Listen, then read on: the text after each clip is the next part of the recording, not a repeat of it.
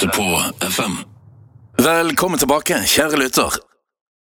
DAB er død. Leve FM. Det er på tide å frigjøre FM overalt i Norge. Og det vil ikke koste staten én eneste krone. La nye kreative krefter slippe til for å konkurrere mot de etablerte markedskreftene. For eh, to-tre år siden ble alle nordmenn fortalt at de måtte kjøpe nye DAB-radioer. Det analoge hjulet skulle erstattes med et heksagon. Daværende kulturminister Anniken Huitfeldt fra Arbeiderpartiet sa det selv fra Stortingets talerstol i 2011.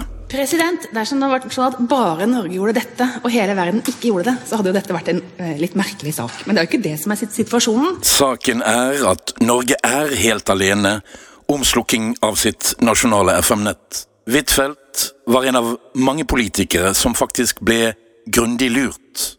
Som kjent finnes det tre davianere. NRK med sine lisensmidler og to utenlandske kommersielle aktører. Svenskeide Nent, P4, og tyskeide Bauer Media, Radio Norge etc.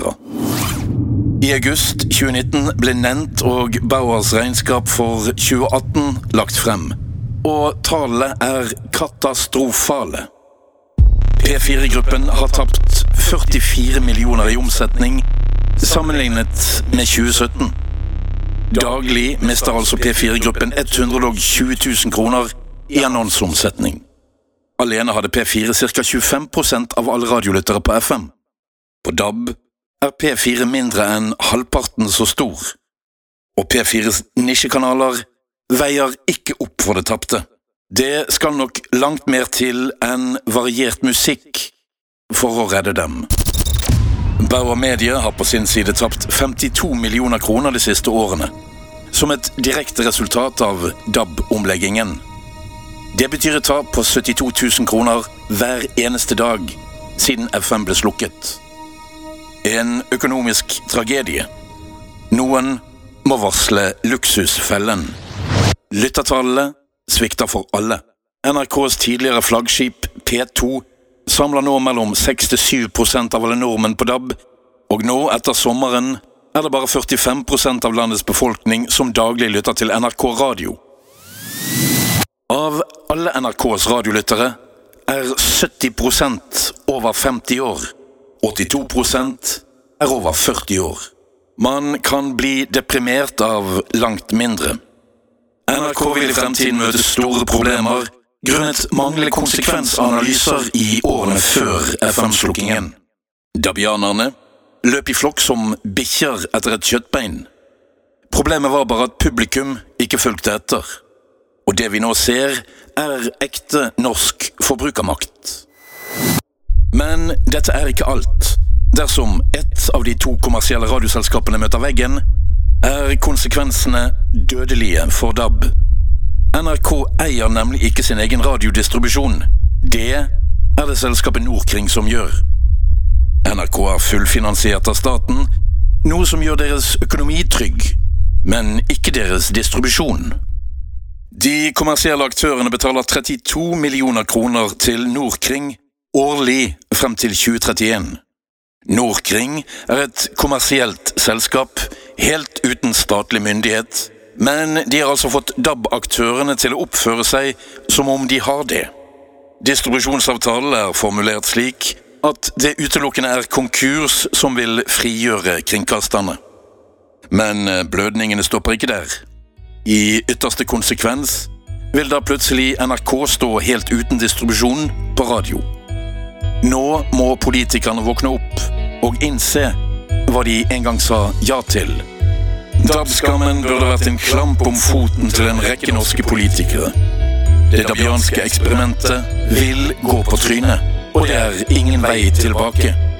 Stortinget må snarest kreve at Riksrevisjonen kommer på banen. DAB-teknologien fungerer heller ikke. Stadige utfall og mangel på signaler rundt om i Norge har fått publikum til å gi opp. Selv et katteskinn i brunst løper omveier for å unngå denne hersens ulyden. DAB vil aldri klare å reise seg fra grøften. Nettet er ferdig utbygd, men alt peker på at publikum vender seg bort fra DAB. Det er oppsiktsvekkende at byråkrater i Kulturdepartementet og Medietilsynet og norske stortingspolitikere fremdeles går i bresjen for å stenge FM-nettet for lokalradioene etter 2025. Indirekte har Stortinget under press fra dabianerne i realiteten hjulpet to utenlandske selskaper til å forby norsk lokalradio i Oslo, Bergen, Trondheim og Stavanger. Dette er rett og slett skammelig. Denne hensynsløse DAB-politikken biter oss nå kraftig i skinnleggen. Og Norge er helt alene i verden. Kun 50% av landets befolkning lyttet på DAB-radio, inkludert webradiolytting, sommeren 2019. Statistisk sentralbyrå bekrefter disse tallene gjennom hele 2018. Norge er det landet i Europa hvor det lyttes minst til radio. Digitale medier har ikke skyld, for i Sverige konsumeres det daglig nesten 40% mer radio enn i Norge. 70% av den svenske befolkningen lytter daglig til deres moderne FM-nett. 70% av fiendene lytter også daglig til radio. Og de lytter vesentlig lenger enn det vi nordmenn gjør. Alle våre nordiske naboer er akkurat like digitale som det vi er. Forskjellen er bare at de i tillegg hører på radio. På FM. Dersom norsk radiokultur skal overleve, må radiobølgene frigis nå. La dabianerne holde på med sitt, og la publikum få valuta for sine DAB-investeringer.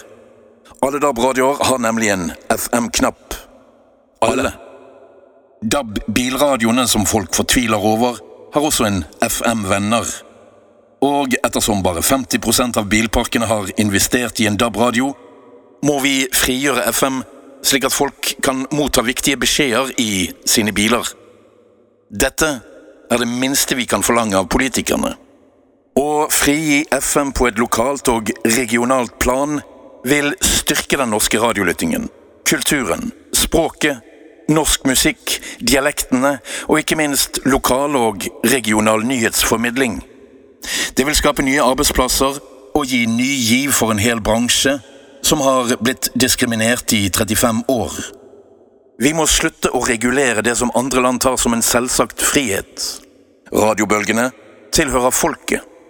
Vi trenger ikke regulere internett, så hvorfor i all verden skal vi da regulere FM? Og best av alt, det vil ikke koste staten én en eneste krone. FM-senderne eies av radiostasjonene selv. Radioens fremtid er bygget på en symbiose mellom FM og webradio. Lytt derfor ikke til Kulturdepartementet og Medietilsynet, som er inngrodd i sine egne vurderinger og spiller på lag med disse dabianerne. Og selvsagt er de redde for å miste ansikt. Men det er folket som bestemmer i Norge. Og når folket vender DAB ryggen, da må noen stortingspolitikere ta ansvaret og si beklager. Vi tok grundig feil. Vi ble skikkelig lurt. Det er derfor på tide å frigjøre FM overalt i Norge. Det bør være opp til publikum å velge hva og hvem de ønsker å lytte til. Leve radioen. Leve FM. Det du hørte nettopp, var et manuskript av en kronikk som ble publisert i VG 15. august 2019. Hvem? Hvem slukket lyset på FM? Takk for at du lytter. Lytt mer.